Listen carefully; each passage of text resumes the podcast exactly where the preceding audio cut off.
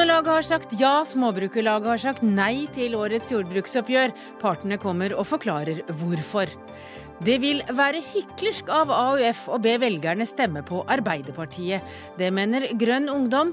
De skyter over mål og forsøker å kapre grønne velgere, svarer AUF.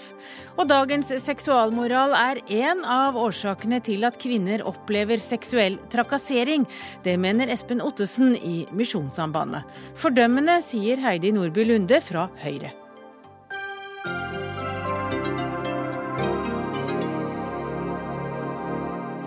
Ja, Velkommen til Dagsnytt 18. Jeg heter Hege Holm, og vi spør også om vi bør frykte Putin, og om pedofili kan behandles før klokka er sju denne fredagskvelden. Men aller først skal vi til jordbruksoppgjøret, for mens Bondelaget aksepterte tilbud på 400 millioner kroner fra staten, brøt Norsk Bonde- og Småbrukarlag landbruksforhandlingene i ettermiddag. Og Cato Nyquist, du er politisk redaktør i Nasjonen. Hvordan kan det ha seg at Bondelaget takker ja til en avtale, mens småbrukerne bryter?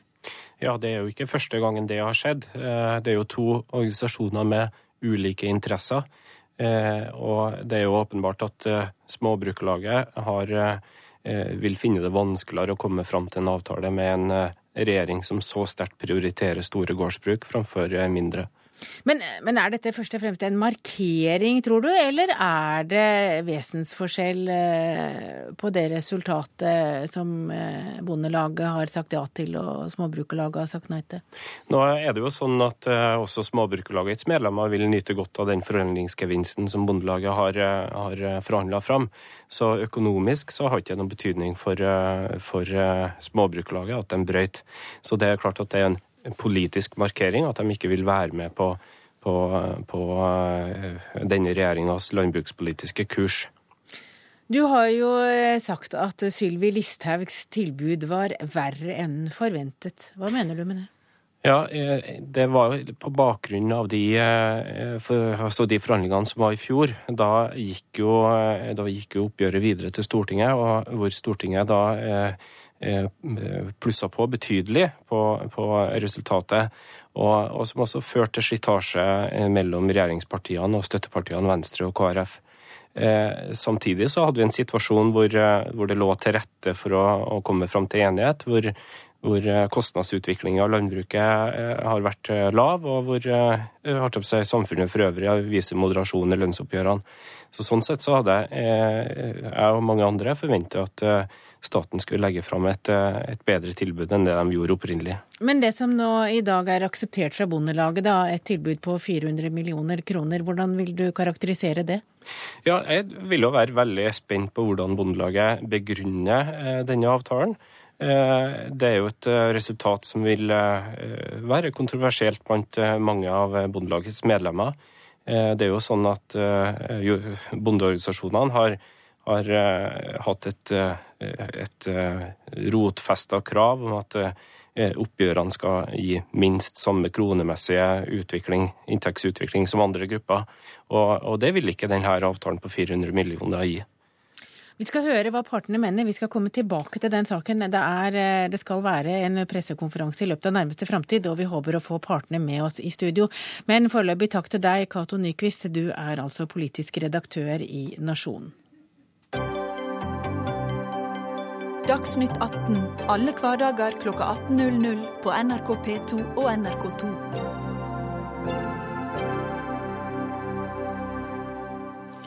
Denne våren har voldtekt og trakassering av kvinner stått høyt på agendaen. og det har fått deg til å tenke deg om, Espen Ottosen. Du er informasjonsleder i Norsk Luthersk Misjonssamband.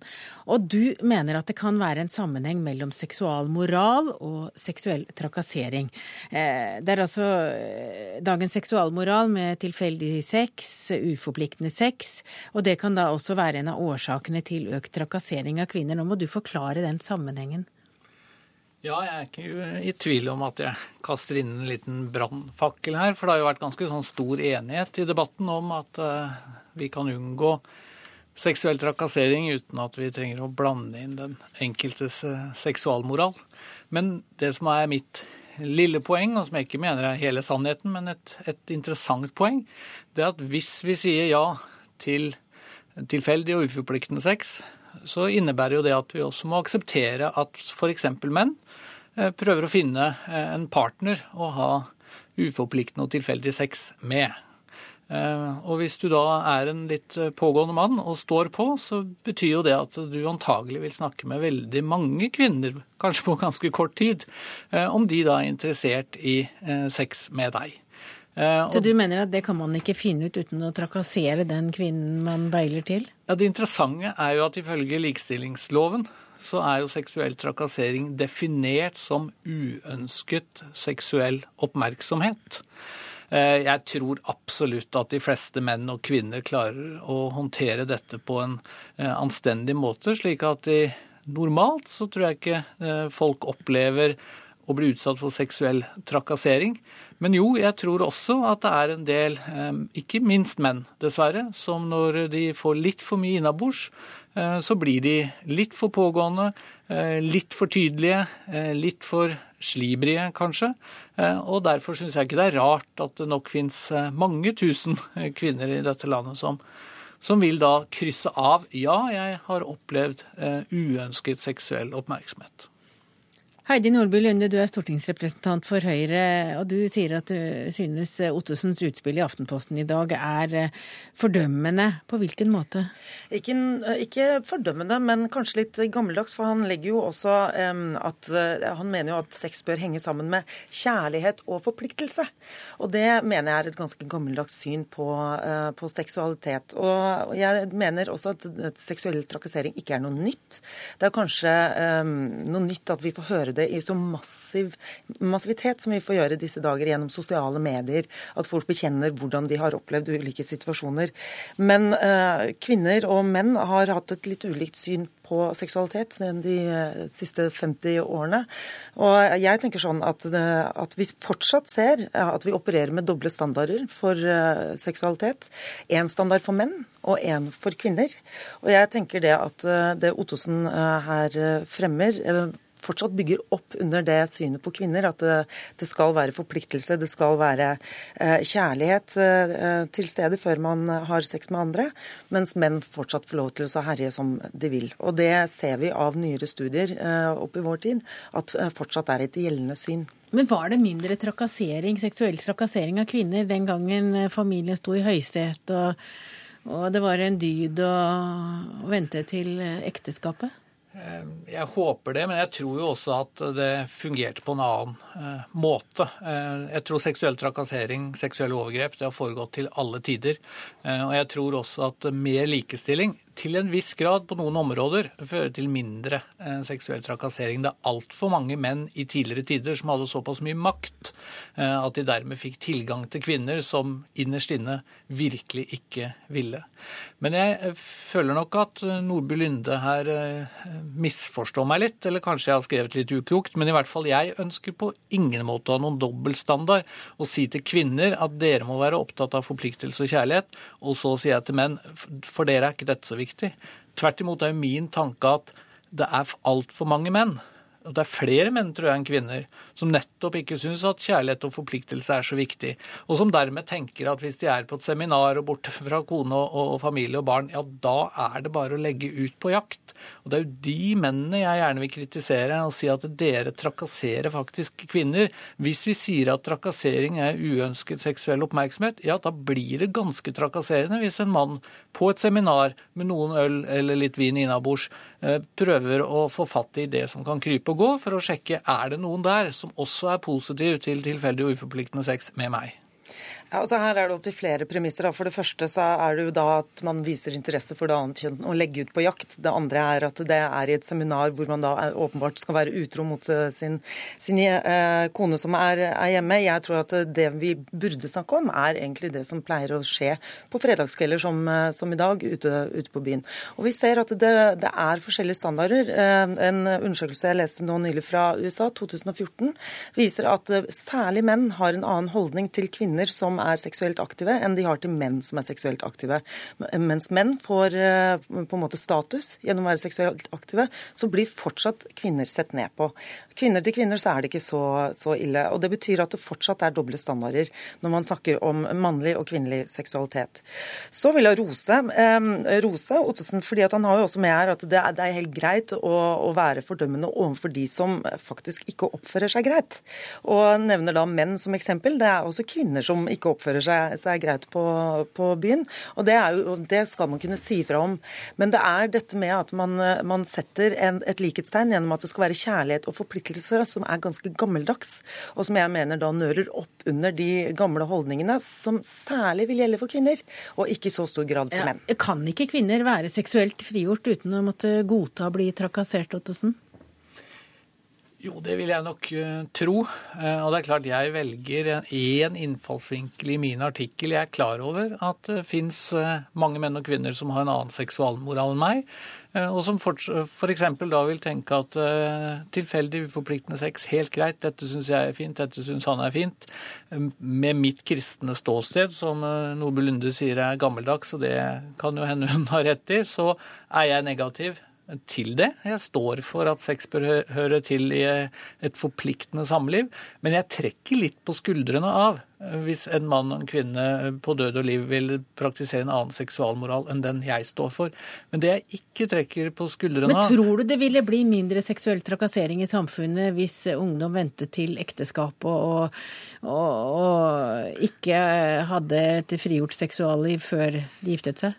Ja, delvis. Og jeg tror jeg faktisk kan begrunne det ganske godt. I de miljøene jeg ferdes, eh, i kristne ungdomsmiljøer ganske mye, så skjer det jo overgrep og overtramp. Ja, absolutt. Men den type seksuell trakassering som det fortelles en del om i denne debatten som har vært de siste ukene, hvor det er kvinner som opplever pågående menn, slibrige menn, men som tenker at det må da være en eller annen som er klar for et eller annet i natt. Altså, I de miljøene jeg ferdes, så tror jeg det er så uakseptabelt. Fordi både menn og kvinner får beskjed om at sex hører til i et forpliktende samliv. Så skal du sjekke opp noen, så må du sjekke dem opp med tanke på å bli kjæreste først, og så kommer sex i neste eh, sving. Da blir det nok et litt annet preg, håper og tror jeg, i de miljøene enn i en del andre miljøer. Men det du skriver er jo at økt aksept for tilfeldig eh, sex er årsaken til seksuell eh, trakassering. Hvor jeg tenker det at det, Men eh, hvis det hadde vært en faktisk økt aksept så ville det jo ikke vært trakassering. Fordi da hadde man anerkjent også at kvinner har seksualitet, at man er ute eh, på byen, og at man har tilfeldige sexpartnere på lik linje med, venn, med, menn. Jeg tror ikke det er årsaken. Tvert imot så tror jeg et fortsatt gammeldags syn på kvinners seksualitet fører til eh, fortsatt trakassering. Men når eh, det er altså helt sikkert mange kvinner der ute som kan være med på å bli sjekka opp, så vil det fortsatt være en ganske stor andel som ikke syns det er noe særlig OK å bli sjekka opp av noen. Men det er forskjell på å bli sjekka opp og bli trakassert. Uansett så tror jeg vi kan være skjønt enige om at trakassering det hører ikke noe sted hjemme. Man må ta et nei for et nei. Tusen takk til deg, Espen Ottesen, informasjonsleder i Norsk Luthersk Misjonssamband, og Heidi Nordby Lunde, stortingsrepresentant fra Høyre.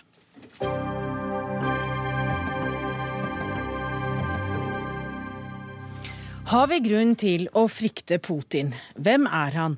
På 70-årsdagen for beseiringen av Hitler dro han til Krim for å feire seieren. Og i Nord-Norge ønsker nå ordførere militær opprustning på grensen til Russland. Og i de baltiske landene er det mange som frykter for hva som kan skje med Putin ved roret. Morten Jentoff, du er vår eh, korrespondent i Russland. Hva er egentlig Putins mål? Putins mål er å gjøre Russland til en respektert stormakt på den internasjonale politiske arena. Det at USAs utenriksminister John Kerry denne uken eh, kom til Sotsji for direkte samtaler med Putin og Russland, det er i den retning Putin ønsker at Russland skal være, altså i direkte samtaler med eh, verdens ledende supermakt. I tillegg til det så ønsker ønsker Russland en politisk innflytelse i sine nærområder, i det som på en måte har vært tradisjonell russisk innflytelsessfære. I første omgang så handler jo dette om, om Ukraina i dag, der vi jo har fått denne konflikten både om Krim, men også om Øst-Ukraina. I tillegg så gjelder det også andre deler av det tidligere Sovjetunionen, i Kaukasus, og det gjelder også Sentral-Asia. Eh, så eh, er spørsmålet om eh, Baltikum, f.eks., som også har vært en del av det gamle Tsar-Russland, en del av Sovjetunionen. Der tror jeg kanskje ikke de russiske interessene er like sterke, men også der er områder der russerne mener at de har legitime interesser, og de har jo også denne Kaliningrad-enklaven liggende i dette området. Men, men hvem er det som har nå fryktet ja, Det er jo nettopp da de, de områdene som jeg snakket om, om nå, der eh, selvfølgelig Ukraina Det kjenner vi jo alle til, konflikten øst i, i, landet der. Der ser vi jo at det er eh, direkte eh, russisk innblanding i denne konflikten her. Eh, men jeg tror nok også at eh, f.eks. et land som Georgia er utsatt. Der har man da to områder som russerne har godkjent som selvstendige land. Sør-Osetia, Abkhasia, som nå knyttes stadig nærmere til Russland, bl.a. gjennom et militært samarbeid. Eh, det kan nok være at de på sikt da vil bli enda tettere til Russland. Og så spørs det da hva som vil skje i Sentral-Asia. Eh, Kasakhstan er tett knyttet til Russland allerede gjennom denne euroasiatiske unionen. Og eh, mange tror nok at kanskje Putin og Russland vil vende blikket også mer mot det området der. Jeg tror nok det er først og fremst innenfor grensen av det tidligere tidligere Sovjetunionen, der man vil merke den russiske interessesfæren sterkest. At man ønsker å vise at dette er områder som man har en spesiell interesse for. Julie Wilhelmsen, du er forsker på Norsk utenrikspolitisk institutt. Og eh, Putin er jo veldig populær hjemme i Russland. Er dette en, en, en gammel sovjetisk drøm om å bli stor igjen? Eh, nei, jeg tror ikke det er en sovjetisk drøm. Men det er klart at det Putin har hva skal jeg si, fått til og vært veldig dyktig til, det er å spille på strenger eh, i det russiske samfunnet. På ideer om at Russland er stort og mektig, og kan, kan være det, etter en periode hvor Russland jo har ligget nede på mange måter. Og dette har gjort han populær, og det har gjort at russere flest har eh, ja, fått en, eh, en, slags visjon for, for hva, hva, Russland eh, kan være. Men er, det, er målet det de nå nærmest har oppnådd ved at Kerry kommer til Sotsji? Altså det å bli tatt som en, en partner, en som USA reiser til Sotsji for å møte og snakke med? Ja, jeg tror at uh, for Putin så er det en, del av målet, ja. Nettopp at uh, Russland ikke bare i seg selv skal være stort og sterkt, men også få lov å spille en rolle på den internasjonale arenaen hvor man blir tatt hensyn til. Jeg tror at mye av grunnen til at relasjonen mellom Russland og Vesten har blitt så utrolig dårlig som den har blitt i løpet av de siste ti årene, er nettopp denne følelsen eller det er det man uttrykker, da, en slags sånn krenkelse, eh, som kanskje begynte med krigen i Irak, hvor eh, Russland følte at USA bare turer fram og tar ikke hensyn til hva andre eh, stormakter eh, eh, mener. Eh, nå er det jo også den store forskjellen at eh, på det tidspunktet så var jo ikke Hadde jo ikke Russland en økonomi og på en måte en, en, en reell styrke bak det selvbildet. At Russland er en stormakt. Mens, mens den biten har jo kommet på plass mest av alt pga. veldig høye oljepriser. Men det gjør at dette, eh, dette kravet, dette selvbildet en slags, eh, som en slags likemann i forhold til andre store stater på den internasjonale arenaen, gjør seg enda sterkere gjeldende nå. Og Det gjør også f.eks. at eh, eh, Putin i, eh, i Ukraina-krisen eh, kanskje ikke så lett gir inn for, for det presset eh, han utsettes for, fordi han har denne selvtilliten. Eh, og dette bildet av at Russland er en, en, stormakt som i hvert fall skal bli tatt hensyn til i, i nærområdet. Une Hakvåg, du er forsker ved Forsvarets forskningsinstitutt, FFI. Og vi ser jo nå at eh, altså, det er jo mye mer eh, tens i forhold mellom eh, Russland og Vest-Europa enn det har vært på lenge. Nå foregår det jo militærøvelser tett på grensen til, til Russland. Hvordan reagerer Putin på det? Jeg tror Putin reagerer på en måte negativt på det. Jeg ser det som en, en, slags provokasjon, samtidig som det kanskje også kan være en bekreftelse nettopp på at man er, um, er en stormakt som blir tatt alvorlig, og på at vi nå har sett at Russland har, har bygget opp sin eh, militære kapasitet over tid. Uh, og det er litt det samme som altså det norske, Før den norske Nato-øvelsen på på grensa til Russland, så var det jo også store russiske øvelser i nordområdene og i grenseområdet Norge, eller samtidig. Um, det er klart at russisk, Russlands politiske ledelse de ser jo militærmakt som en forutsetning for nettopp for å kunne bli tatt uh, alvorlig som en utenrikspolitisk stormakt. Mm, ja. Men Jentoft, hvor langt tror du Putin er villig til å gå? Er det spørsmål hvor du regner, altså på hvilke områder du tenker på hvor langt han er villig ja, til å gå? Han snakka jo altså... om at han hadde vært i nærheten av atomknappen, har han nevnt. Altså han, han, han, eh, signaliserer jo at han har alle muligheter. Ja, han gjør det, og det er jo noe av det aller mest skremmende av det som har skjedd den siste tiden. Det er jo nettopp det at eh, vi har da fått en leder for en stormakt som om ikke rasler med atomvåpnene, så i alle fall eh, hever det opp på agendaen. Og det har vi jo knapt nok sett noen gang da siden Cuba-krisen, eh, må vi vel kunne si. da. Man trodde jo at den tiden eh, var forbi, og det er jo noe av det mer skremmende. Men igjen, eh, som det ble sagt her, Vladimir Putin strutter av selvtillit eh, i, i, i, dag. Og det er jo noe som også smitter litt over på den vanlige russer som jeg snakker med. At man, man er på en måte eh, med sin egen leder. Det er jo en gammel russisk tradisjon at uh, uansett hvor diktatorisk lederen er, da, så slutter man på en måte opp om ham, enten han heter tsar Aleksander 3. eller Josef Stalin. Så det er jo en, en, en, en gammel russisk uh, tradisjon. Jeg tror ikke Vladimir Putin er, er f.eks. ute etter noen slags militært eventyr, noe større eventyr, men det kan komme til tøffe konflikter, bl.a. som jeg nevnte i Kaukasus, kanskje Sentral-Asia, og Sett med norske øyne blir det jo interessant å se hva som kommer ut av det som man i Russland snakker om en slags arktisk offensiv, altså en ekspansjon der man sier på russisk hold at man skal ta tilbake sine posisjoner i nordområdene. Og vi vet jo det at eh, Norge og Russland eh, har flere punkter der vi støter sammen, og kanskje også har ulike interesser i nord. Julie Wilhelmsen, du er jo litt i tvil om han egentlig har full kontroll, det er slik som han prøver å late som? Ja, jeg er vel kanskje litt um, skremt av den situasjonen at Putin alltid har vært veldig dyktig til å spille på strømninger i det russiske samfunnet, som jeg sa. og Det er kanskje nettopp derfor han har blitt såpass eh, populær og en så legitim leder som det han er internt eh, i Russland. Men i denne siste runden, spesielt i forbindelse med annekteringen av Krim, så virker det som han har eh, i retorikken sin fridd til eh, Eh, nasjonalistene internt eh, i, i, i, Russland. Og jeg er litt usikker på hvilken driver det kommer til å være i tiden fremover. Da er det ikke slik at Putin nødvendigvis har noen plan f.eks. om å skaffe seg større innflytelse i Baltikum gjennom den russiskspråklige befolkningen. Men hvis han dyttes av de nasjonalistene internt i Russland som han nå har fridd til, så kan det plutselig bli eh, en aktuell eh, problemstilling.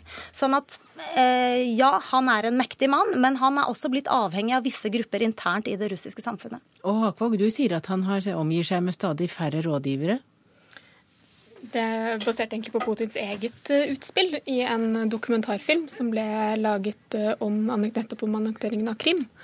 Hvor Putin selv går ut og sier at det var kun fire, fire personer som han rådførte seg med før de fattet den politiske beslutningen.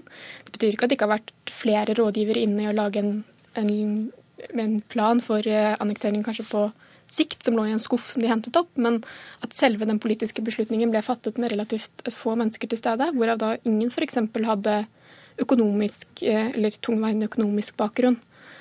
Um, det er skremmende fordi det kan bidra til at vi får eh, en mindre veloverveide beslutninger enn det vi tidligere har sett. Putin har vært flink til å spille ulike, til å høre på ulike grupper i samfunnet og bruke variasjon i rådgivere.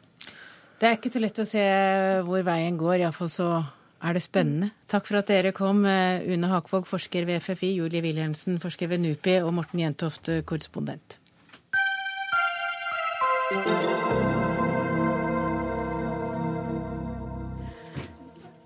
Landsmøtesesongen for de politiske partiene er over. De siste to månedene har partiene meislet ut politikken som de skal ta med seg inn i lokalvalgkampen til høsten. Og rekkene er styrket, og nå bretter de opp ermene og er klare. Borgerskapet er fortsatt låst. Slik oppsummerer du eh, landsmøtesesongen i VG, Fridtjof Jacobsen. Hvor sterk er denne låsen? Ja, Det var ikke den beste metaforen jeg har brukt, men, men eh, ja, Original. Ja, jeg, var, jeg hadde dårlig tid. Nei, mitt hovedinntrykk er at, eh, at det var en del uro hvor, hvor sterkt eh, limet mellom de fire borgerlige partiene, altså Høyre, Fremskrittspartiet, regjering og Venstre KrF som støttepartier, var før landsmøtesesongen kom i gang. Det har vært mye ordbruk, mye mistillit, mye bråk rundt det, og gikk dårlig for hele prosjektet. Men så er min konklusjon at etter eh, landsmøtesesongen så tror jeg dette limet er sterkere, og at samholdet er eh, sterkere. Altså det overlevde landsmøtene fikk ikke noe opprør mot det på grunnplanet, og kom eh, tvert imot så var det en del tilslutning til det. I de fleste partier lite spørsmålstegn for KrF, men jeg opplever ikke at KrF tok noe skritt vekk fra det borgerlige samarbeidet, men de, de kanskje ikke heller et skritt liksom lenger inn i det. Trine Eilertsen, du er politisk redaktør i Aftenposten. Er du enig i at det borgerlige firkløveret står sterkere samlet etter landsmøtene? Jeg vet ikke om de står sterkere. Eh, litt i tvil om det. Det var jo, som eh, Jacobsen sier, mye bråk i forkant på en del enkeltsaker. Men så vet vi det at aller mest, det mesteparten av politikken det går under radaren for eh, sånne som oss. Det går gjennom i komiteen og i Stortinget, og der er det ganske mye ro og lite krangel.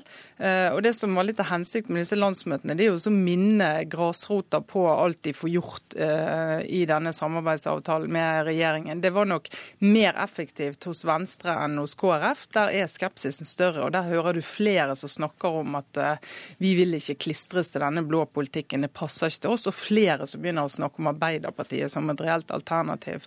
Uh, sammenlignet med for bare to år siden. Det er stor forskjell. Men uh, hvilke saker kan det bli vanskelig for regjeringen å ta med seg inn i valgkampen? Altså, den saken som ligger der hele tiden, som har ligget der siden i vinter, asyl- og flyktningpolitikk, den ligger der, men den får vi regne med blir løst uh, før valgkampen og ikke blir en del av, av, av den. Uh, men så er det en sak som kommunereform, uh, hvor jeg merker meg at KrF er veldig tydelig på at de vil være en slags bremsekloss i regjeringens sitt prosjekt. Og de er blitt veldig opptatt av dette tredje styringsnivået, en regionreform.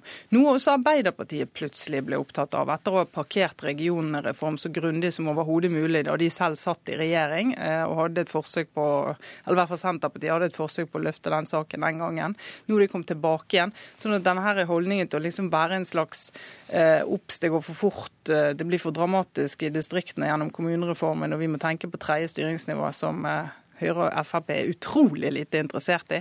Det begynner å boble nå, og tror jeg vi kommer til å se i valgkampen også. Og kommunereform er vel ingen god valgkampsak for Høyre? Ja, eh, altså ikke de kommunene som er mot.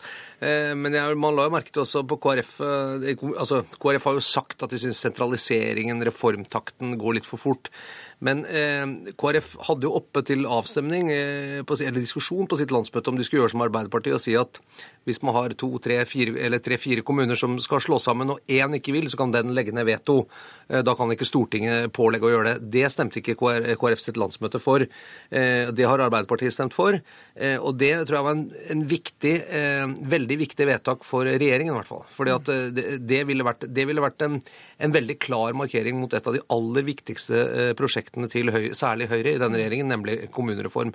Jeg tror ikke man må undervurdere at kommunereformen til Jan Tore Sanner er tror jeg er suverent den viktigste reformen i hodet til Erna Solberg i denne regjeringsperioden. Mye viktigere enn alle andre reformer. Og, og hvis KrF eh, skulle mot den, og de, og de, vet det også, eh, med å gjøre et sånt vedtak, så, så ville det tydet på at de kanskje var på vei ut av av dette samarbeidet. Men, men, når de ikke gjorde det, så syns jeg det var verdt å merke seg. Så, så, er det mye gnag i KrF eh, på dette i det hele tatt. Men det merkelige med KrF er jo at eh, i motsetning til Venstre og Fremskrittspartiet, hvor, hvor denne eh, deltakelsen i en borgerlig regjeringskonstellasjon på en måte er ganske godt forankret på grunnplanet, så virker det som Hareide i oppkjøringen til valget i 2013 ikke har forankret dette skikkelig i sitt eget tillitsmannsapparat. Det gjorde at regjeringsforhandlingene i Nydalen brøt sammen med mange eksterne krefter som var ute. Og det gjør at det er veldig mye gnagsår på dette hele tiden inn mot det sentrale leddet. At Hareide, Dagrun Eriksen og Syversen er 100% bak liksom, denne borgerlige samarbeidsavtalen, det er det ingen tvil om, men, men de må stadig vekk liksom, jobbe med å prøve å få en forankring på det i partiet. Nå var jo Hareide borte eh, fra landsmøtet. Han var også borte ja, altså, Det er litt typisk, han var også borte i begynnelsen av regjeringsperioden. Så, så, men han har heller aldri kommet helt i gang med, med å liksom gjøre det ordentlig klart. og det er, det er, mulig han tror at dette gir en sånn taktisk fordel av manøvrering og sånn, men hvis vi ser på KrF i denne nesten to årene, så, så går det ikke noe særlig bra for KrF, eller? Altså, De tjener ikke noe særlig på denne rollen de har funnet. De er omtrent som de var. Skal vi se på det andre som det heller ikke går så bra for akkurat nå? Vi, siste målingene viser jo at Arbeiderpartiet går tilbake og Høyre går fram. Ja, Hva betyr det? Arbeider, veldig ofte når et eh, parti har landsmøte, så går det jo litt opp på målingene, for det blir mye oppmerksomhet, og de får anledning til å snakke mye politikk. Du har det eh, nye nestleder og Nye nestleder og full fyr og stor stemning på landsmøtet. Det, det var ikke der, men har latt meg fortelle at det var eh, veldig god stemning der å få, få konflikter. Så ser du at det går ned på målingene etterpå. Da kan jo, er det jo noen som Jeg hørte noen på KrF som litt eh, ondskapsfullt mente at det var fordi de var så tydelig i flyktningpolitikken eh, for en gangs skyld, eh, og at det straffer seg for Arbeiderpartiet. At det er de 10 000 syrerne som skal inn som var for mange? Ja, det, det, er jo det er litt sånn utypisk måte for Arbeiderpartiet å gå inn i et sånt politikkområde på. Altså For et eh, sånn styring, statsbærende parti som Arbeiderpartiet å starte med tallet, og så begynne å undersøke om dette er praktisk mulig ute i kommunene. og Har vi råd, har vi bolig og har vi integreringstilskudd som de skal være og alt dette. Det er litt eh, uvanlig for Arbeiderpartiet. Kan være noen som har reagert eh, på det som ligger i dette landskapet mellom Høyre og Arbeiderpartiet. Og så er jo det store spørsmålet da om Jonas Gahr Støre er dyktig nok til å vise frem et alternativ til regjeringens politikk, eller om man bruker veldig mye tid på å si at vi vil ikke ha det som regjeringen vil ha, vi vil ha noe annet, men klarer ikke helt å si akkurat hva det er. Fridtjof Jacobsen, du nikker. Ja, jeg tror det er den store utfordringen. Man bør konkludere med at landsmøtet eh, var ikke heldig for Jonas Gahr Støre ute i, i oppslutningen hos folk. Det føltes sikkert veldig godt internt, men, men, det skjedde jo et eller annet med Arbeiderpartiet etter det, og det har blitt gjentatt på såpass mange målinger at vi kan snakke om det de altså de kan, nå kaller det en slags trendbrudd. altså At du, du går ned et par, tre, fire prosentpoeng, og du blir der en stund. Ja, hva var det som skjedde? Det jeg tror skjedde, var at eh, For det første hadde det vært veldig stille fra Jonas Gahr Støre en lang periode. Så tror jeg denne 10 000 syriske flyktninger er en polariserende sak. Eh, og, og, akkurat som Trine sa, så, så, vet jeg ikke om det hadde noe veldig effekt i denne Husk de var over 40% Da har de med seg veldig mange som ligger og, og vaker mellom Høyre og Arbeiderpartiet, eller kanskje Fremskrittspartiet og Arbeiderpartiet også. Eh, det kan nok ha gjort noe. Men, men jeg tror Støres problem er at Eh, eh, Arbeiderpartiet i 2013, da de tapte valget, var så tomt for politikk. Altså det var, det, var, eh, det var, dødt. Det var blitt litt sånn lammet, hele partiet. All politikkutvikling skjedde i en bitte liten krets rundt Jens Stoltenberg og hans, hans team. Og resten av partiet var en slags, slags og ventet på marsjordre og hva de skulle gjøre. Eh, det var veldig mye av frustrasjonen eh, som kom rett etter at de hadde tapt valget. Så har det blitt en eh, voldsom giv i partiet på å utvikle ny politikk. De har nedsatt en masse utvalg, de har fått nye ledere, nye nestledere, nye partisekretær, sånne ting. Men fortsatt har de ikke noe særlig politikk, for den er ikke utviklet ennå. Og det merker man på landsmøtet, man, og også man merker i debatten om revidert nasjonalbudsjett og sånne ting. Hvis man spør Jonas Gahr Støre hva han er mot, ja, mot veldig mye av det regjeringen er for, men hva er han for? Da kan han ikke svare. Han kan ikke svare på hva de vil gjøre med skatter. Han kan ikke svare helt på hva de vil gjøre med flyktningpolitikken. Han kan ikke svare helt på hva de vil gjøre i klimapolitikken. Da jernbanereformen ble lagt frem, så satt jo Eirin Sund her fra Arbeiderpartiet og var på en måte bare mot og, hørtes litt ut som Jernbaneforbundet, men hadde ingen alternativer til hva de skulle gjøre. Og det, Den tomheten der tror jeg er farlig for Arbeiderpartiet. Og der har han dårlig tid med å finne noen noen ordentlige ord på hva Arbeiderpartiet vil med Norge, som er annerledes enn det Høyre og Fremskrittspartiet vil. Og hvis, hvis, du ser hvor Arbeiderpartiet kommer fra, så har dratt en del av de store reformene, og som eide eh, litt sykehusreformen den gangen den eh, ble etablert og vedtatt. Så nå plutselig er Arbeiderpartiet skeptisk til nedleggelse av lokalsykehus, som har vært en kamp som virkelig har ridd helseministre opp gjennom eh, regjeringsårene til Arbeiderpartiet. De er for skolemat, gratis skolemat. Det var et forslag som gikk gikk ut på at de skulle kutte litt i barnetrygden for å finansiere det. De stemmer det ned og legger det bare på. Så de er litt sånn eh, på vei et sted der de skal omfavne alle gode tiltak. Eh, all motstand der ute skal de ta inn over seg. Og Det er også litt sånn utypisk Arbeiderpartiet, som er jo et dypt ansvarlig parti. Og så plutselig så har du en del vedtak som ikke henger helt sammen med der de kommer fra. Parallelt med at de da ideelt sett skal utvikle ny politikk frem mot 2017. Ja, og en annen ting er det, altså, Være leder for Høyre eller Arbeiderpartiet er eh, selvfølgelig at du representerer noe som er veldig stort, og du blir et talerør for mange ulike interesser. LO, en del tradisjonelle ting. Jonas Gahr Støre har vært det mye i det siste og prøvd å lære seg hvem han taler på vegne av, tror jeg. Men du kommer heller ikke unna at som partileder så er du også nødt til å lede, og du er nødt til å stake ut veien personlig for hvor partiet skal. Det er klart at både Gro Harlem Brundtland og Jens Stoltenberg, og, og for den saks skyld eh, Einar Gerhardsen selvfølgelig, har, har eh, vel så, altså, representert andres men de har også lagd veldig mye politikk som de har fått partiet med på. Det må også Jonas Gahr Støre gjøre. Så langt har ikke han kommet ennå. Og hvis man ser på Erna Solbergs suksess eh, fra hun var helt nederlagsdømt og, og, en av Norges på en måte dårligste politikere og partiledere opp mot dette 29-valget, så, så, ble Høyre bra fordi hun tok fullstendig kontroll og ledet partiet i den retningen hun mente var riktig. Mange ganger mot partiets vilje, men det har vist at det var riktig. Og det er den lederrollen Støre syns jeg overhodet ikke har lykkes med Aksel ennå. Han, han, liksom hører på alle og blir et slags sånn kompromiss av alle meninger han hører, og det blir vagt, og det går ikke så veldig bra. Men de ligger jo fortsatt høyt, da. Seminaret altså slutt, Jonas Gahr Støre. Takk til Trine Eilertsen, politisk redaktør i Aftenposten, og Fridtjof Jacobsen, politisk kommentator i VG. Hør Dagsnytt 18 når du vil. Radio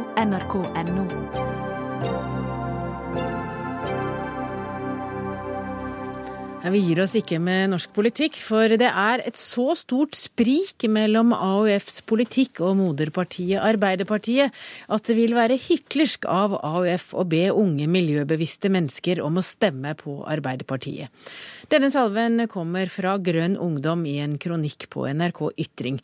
Og Lagenøst, du er leder eller talsperson for Grønn Ungdom. Kan du gi oss eksempler på den store forskjellen, det store gapet mellom Arbeiderpartiet og AUF?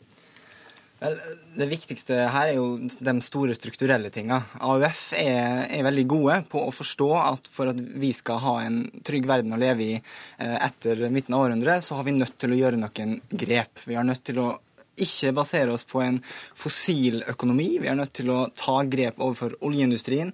Og vi kan ikke lete etter mer olje, og særlig ikke nord for polarsirkelen. Vi har allerede funnet for mye for togradersmålet. AUF tar konsekvensen av det, mens Arbeiderpartiet eh, slenger seg på tut og kjør-linja til eh, Høyre og Fremskrittspartiet. Og det som på en måte framprovoserte vår kronikk her, det var det at vi, eh, vi, vi, forstår jo at AUF er jo enig med oss i veldig veldig mye i klimapolitikken. Allikevel så gikk de ut og feira det vedtaket som Arbeiderpartiet gjorde sitt, på sitt landsmøte om iskanten.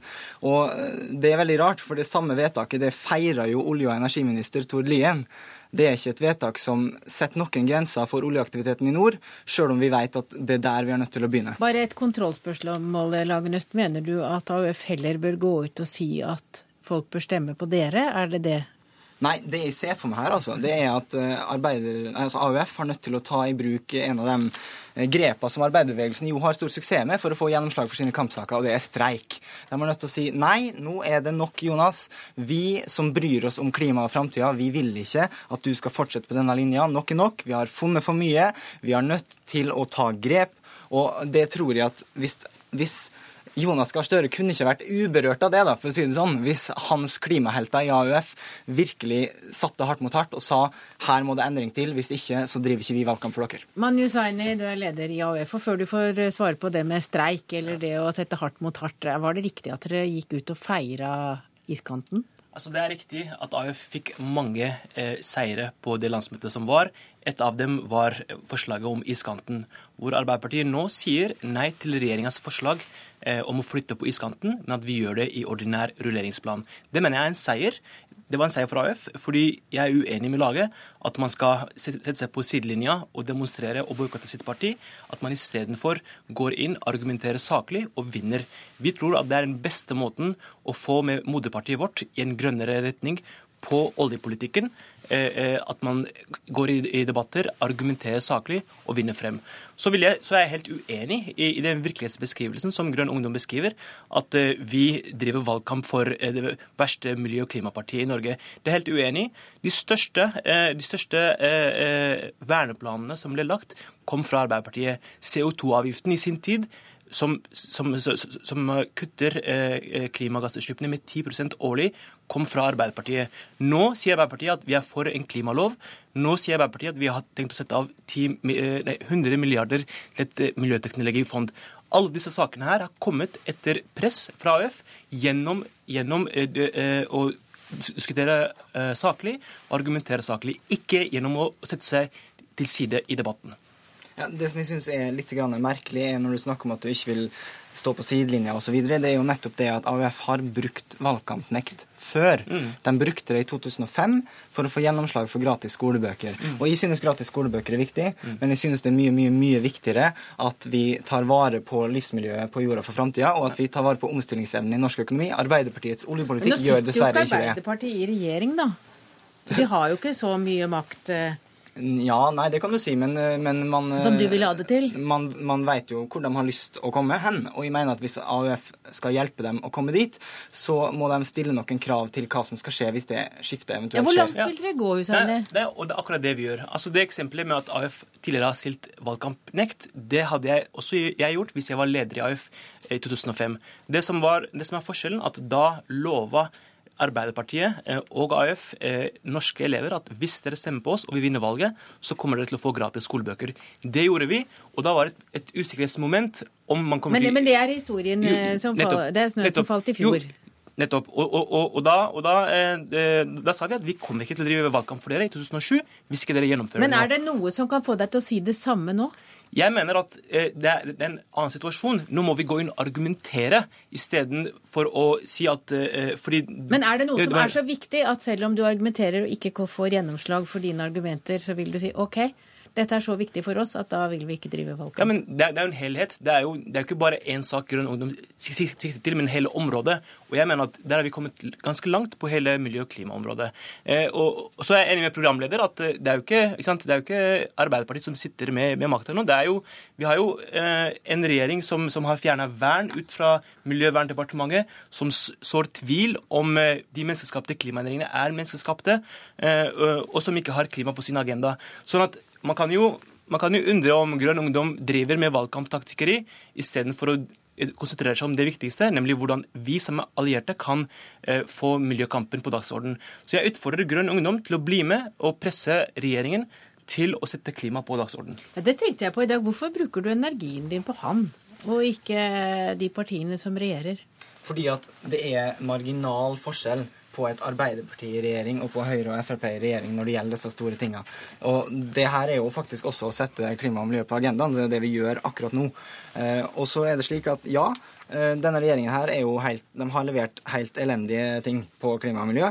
Men i de store linjene så er jo Arbeiderpartiet og Høyre skjønt enige. Både Arbeiderpartiet og Høyre går inn for uh, hovedlinjene i oljemeldinga som har blitt uh, gått gjennom Stortinget. De går inn for hovedlinjene i perspektivmeldingen som sier at det private forbruket skal tredobles mot slutten av, av århundret osv. Så videre, sånn at det er i de, de store strukturelle miljødebattene så er de helt like. Og jeg tror at grunnen til at jeg eh, på en måte går Men hvilken sak mener du de skal eh, boikotte moderpartiet?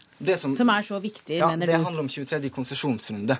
At eh, fordi at det var det som de gikk og, altså Iskantvedtaket var viktig, fordi at her kunne man uh, sette grenser for oljeindustrien i 23. konsesjonsrunde. Det skjer ikke med det vedtaket som Arbeiderpartiet har gått inn for. og Derfor betyr det at Norge går inn for å pumpe mer olje nord for polarsirkelen, sjøl om eh, ganske gode framskrivninger tyder på at hvis vi skal greie togradersmålet, så må all olje og gassen som ligger der oppe, ligge urørt.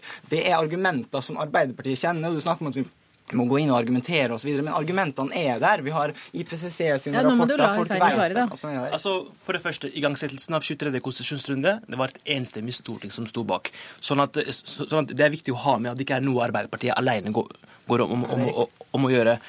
Dessuten så mener jeg igjen at laget bør uh, konsentrere seg om de som styrer i dag, og at vi faktisk går inn mot ø, lokalvalgkamp. Der kommer AUF til å drive valgkamp for Arbeiderpartiet, som i Trondheim f.eks. har uh, senket uh, klimagassutslippene og biltrafikken med 18% Vi kommer til å drive valgkamp for, for Oslo Arbeiderparti, for Bergen Arbeiderparti, Stavanger Arbeiderparti, for nettopp å sette klima på dagsorden. Det gleder vi oss i AUF til. Jeg tror ikke det blir noe boikott, jeg, Lagnest. Du er talsperson for Grønn Ungdom, og Mani Hussaini, leder for AUF. Takk for dere kom. Hør Dagsnytt 18 når du vil. Radio NRK.no. NRK avslørte denne uken hvordan pedofile fra Norge, Sverige og Danmark møtes på et eget forum, Skandiland. Og det gjør de dypt inne på den hemmelige delen av internett, og der møtes de for å dele tanker, fantasier og bilder. Spesialist i klinisk psykologi, Tore Langfelt. Eh, hvordan er sammenhengen mellom de som deler pedofile tanker og fantasier på nettet, og de som virkelig forgriper seg på barn? Ja, Det vet vi ikke så mye om, men det vi vet er at uh, den gruppen som uh, kommer med slike fantasier og, og, litt groteske ting i forbindelse med overgrep mot barn, de er ikke de som vanligvis begår overgrep mot barn. Så det er god grunn til å tro at dette kanskje er en gruppe mennesker som kanskje ikke heller egentlig er pedofile, men som har uh, pedoseksuell interesse av ulike årsaker. De fleste seksuelle overgrep foregår jo i, eh, mot barn foregår i hjemmet, da, med, foreldre, far og mor og, og, søsken. Så Det er den store, store problemstillingen. Eh, det som foregår på disse nettsidene, er eh, ja, det er vanskelig å si. Vi kjenner til noen av dem, for vi har hatt en del av dem i terapi. og det ser ut som at de ikke de er så veldig opptatt av overgrep i seg selv, men mer å uttrykke voldelige og overgrepsting da, som gir de en eller annen form for tilfredsstillelse. Og bilder og videoer som, som, deles eh, på nettet, det er jo også noe som er gjort eh, i form av overgrep mot barn. Men, men hvis man da er pedofil og gjør pedofile handlinger, eh, kan man da behandle dem friske? Altså slik at de slutter? å gjøre det? Altså, ja, altså Det er viktig å understreke at pedofili er ikke noen legning eller noen uh, orientering. Det er en, en um, Nå kaller man det på DSM-5, altså diagnoselisten kaller det for uh, pedofil forstyrrelse. Og, og, det er riktig. Det er en mental forstyrrelse som uh, ikke har noe med legning å gjøre. Og Da må man se på de ulike årsakene til disse forstyrrelsene, og de er veldig mange. Sånn at Man kan ikke behandle alle likt under én kam. Det har man jo gjort i USA og Canada og til dels også i England over lengre tid og sett at det ikke har noe resultat. Og De har også behandlet dem med noen kognitive kontrollmekanismer som man skulle lære seg for å styre seg, men ikke psykodynamisk sett på de dypereliggende årsakene til de ulike typene av eh, pedofile reaksjoner. Så, så, når man går inn på det, så ser man at man kan hjelpe veldig mange av de som i dag blir kalt for pedofile. Men blir de friske, slik at de ikke gjør overgrep igjen? Ja, friske og friske. Det de gjør Eller blir kvitt. Ja, de, de, de, mister jo altså De går over til å ha seksuelle forhold til jevnaldrende, og så mister de da eller har ikke noe særlig interesse for, for barn lenger. Og Det er jo det som vi ser som mål da, for den terapien. Men det er langt å gå, og det er lang vei å komme dit. Og um, vi ser jo også at det er mange som er veldig opptatt av at pedofili ikke skal kunne helbredes, ikke kunne behandles. Og Det er interessant, for det er en, sånn, en gruppe ute i verden som helt og holdent sitter på og, og, møbler om igjen og om igjen for at vi kan behandle dem. Og så er det en stor gruppe da som mener at det kan vi og som har lang erfaring med dette. Da. Vi har en med oss her som ikke kanskje er enig med deg om at det kan behandles, psykologspesialist og forsker Pål Grøndal. Din forskning viser at det ikke er mulig å dokumentere at behandling fungerer. Hvorfor er det ikke det? Nei, jeg tror det er ganske viktig å, å, å, presisere nettopp at det har ikke latt seg gjøre forskningsmessig å dokumentere at uh, terapi i forhold til pedofile overgrep uh, har god nok effekt. Uh, både i 2013 Hva er god nok effekt? Hindre gjentagelse av nye pedofile handlinger. Altså, Jeg er jo av de som mener at det å ha en pedofil orientering i seg selv verken nødvendigvis trenger å være en mental lidelse. Eh, eller noe annet. Men, det er ikke noe som heter en, en, en pedofil orientering. men eh, Langfelt, nå må du la meg snakke ut, da. Nå ja. må du la meg snakke ut. ja, fortsett Fortsett, Grøndal. Ja. Altså, De to studiene, det er ganske store studier, viser at det er veldig liten effekt av behandling i forhold til pedofile overgripere med hensyn på gjentagelsesrisiko. Og så er det da selvfølgelig lett å misforstå dette vi sier. For vi sier ikke at enhver behandling overfor enhver pedofil er mislykket. Det vi sier at det ikke lar seg dokumentere på gruppenivå at det har den nødvendige effekt. Og dette er litt pussig, fordi vi vet at terapi generelt overfor psykiske lidelser, det har effekt. Og så lurer vi da på hvorfor har det ikke denne type effekt overfor nye overgrep overfor pedofile personer. Det må vi finne ut av. Så må vi ikke drive og kjefte på hverandre fra, fra forskning til erfarne behandlere, men vi må samarbeide om dette her. Ja, da kan du få snakke, Langfelt. Ja, vi vil gjerne ha samarbeidet. Og vi, eh, vi sitter jo i en stor internasjonal gruppe som startet på 80-tallet i Minneapolis, som eh, nå er en verdensomspennende organisasjon som driver behandling av dette. Og, og vi har også hatt eh, studier som viser at visse typer av behandling ikke fungerer. Men det er klart at behandling er ikke en ensartet ting. Psykoterapi er én ting. Kognitive ferdighetsprogrammer er noe annet. Og de studiene som eh, bl.a. Kochan og eh, en rekke andre har gjort, har vært basert på kognitive relapse prevention-programmer som vi har visst helt tilbake til 80-tallet ikke fungerer. Det er mange terapiformer som fungerer, og det er mange publikasjoner som viser oss at det fungerer. Men er hvorfor når ikke dine resultater, eh, altså gode resultater, Langfelt, hvorfor når ikke de i Grøndal? Ja, altså, den Diskusjonen må jo gjøres. Eh, Hvorfor kommer de ikke og, og, og ser på hva vi har holdt på med nå i 25 år? Det er klart det sitter Dokumentere vitenskapelig.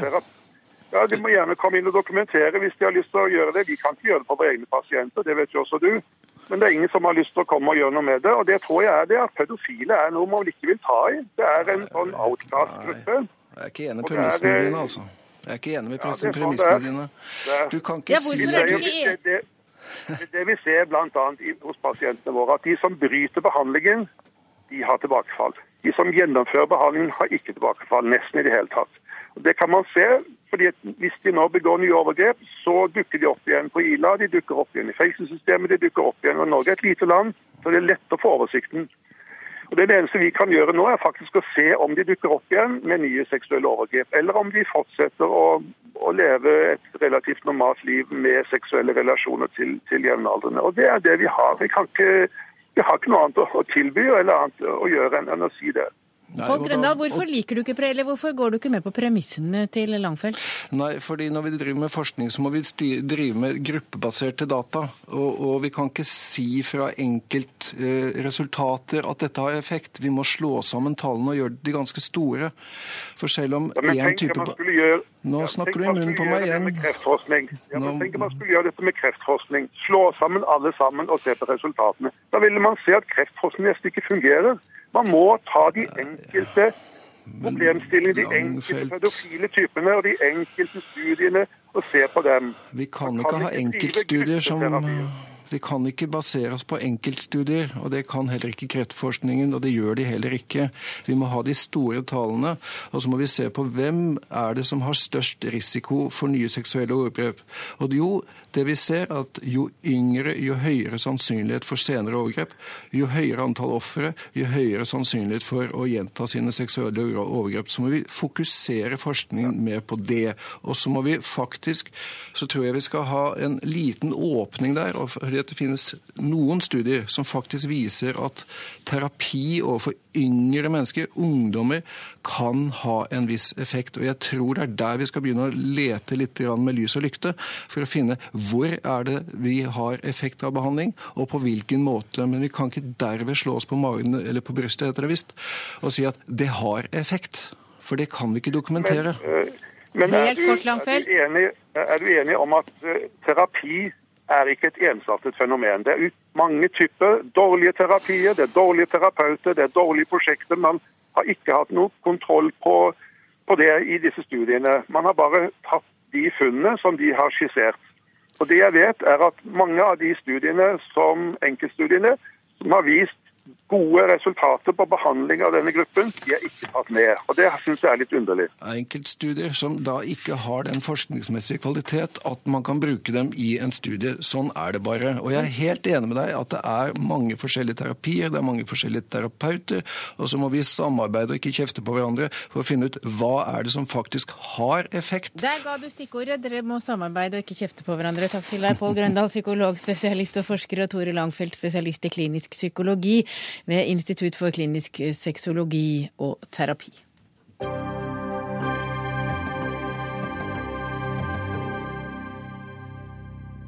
Da skal vi tilbake til eh, jordbruksoppgjøret her i Dagsnytt 18. For altså, som tidligere nevnt, har Bondelaget akseptert et tilbud på 400 millioner kroner fra staten, mens Norske Bonde- og Småbrukarlag brøt jordbruksforhandlingene i ettermiddag. Og Merete Furuberg, du er her, du er leder i Norske Bonde- og Småbrukarlag. Nå må du forklare hvorfor dere valgte å bryte forhandlingene. Ja, Norsk Bonde- og Småbrukerlag kan ikke være med å godkjenne verken rammen eller den politiske retningen i årets oppgjør. Eh, den eh, rammen måtte vært 590 millioner hvis bonden skulle fått kronemessig lik utvikling med andre sammenligningsgrupper. Og den politiske retningen Nå i fjor så sa jo både Norges Bondelag og Norsk Bonde- og Småbrukerlag nei til den kursendringen som ble fastlagt i fjor. Var med og demonstrerte. I år gjør de helt kuveining og skriver under og godkjenner på en retning som er helt feil. Det som skjer nå i år, er faktisk en kraftig forsterkning av den feil retningen som det ble åpnet for i fjor.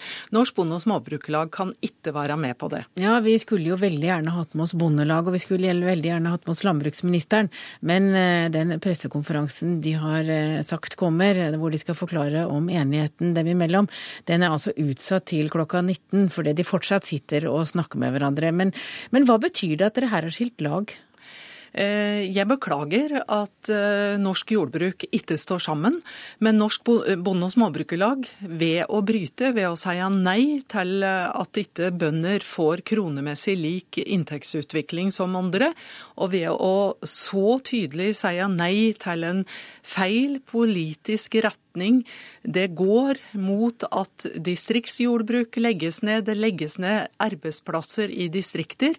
Og mat vil produseres eh, på importert eh, fôr til dyra.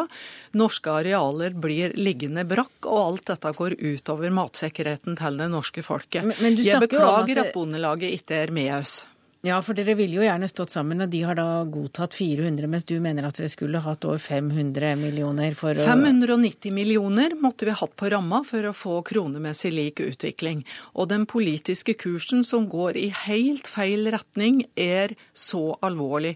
Det betyr redusert matsikkerhet for det norske det folket. Vi blir at... mer sårbare. Men hva skjer nå?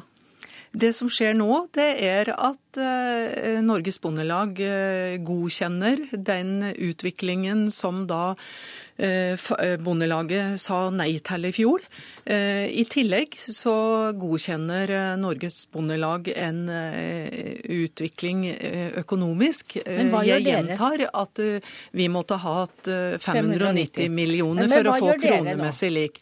Vi skal jobbe for å få med oss folket til å få politikere med til å forstå at her må vi ha en annen jordbrukspolitikk, en helt annen matpolitikk, som gjør at vi produserer mat på norske arealer. Men Du snakker om en helt og, annen, men det er jo snakk om et pengekrav? Det er jo noen det flere er millioner. Faktisk, det er snakk om penger, men det er i enda større grad snakk om en politisk retning.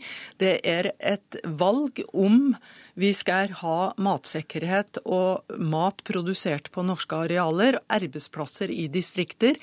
Det er faktisk en retningsvalg om vi skal gå industriveien eller miljøveien når det gjelder matproduksjon i landet vårt. Men Furuberg, når jeg hører deg nå, så får, kjenner jeg lukten av gylle som spres i Oslos gater og traktorer på vei inn. Å nei, vi skal gjøre det slik at alle våre markeringer Og vi har begynt med å dele ut mat til folket, vi har begynt å dele ut uh, informasjon, brosjyrer.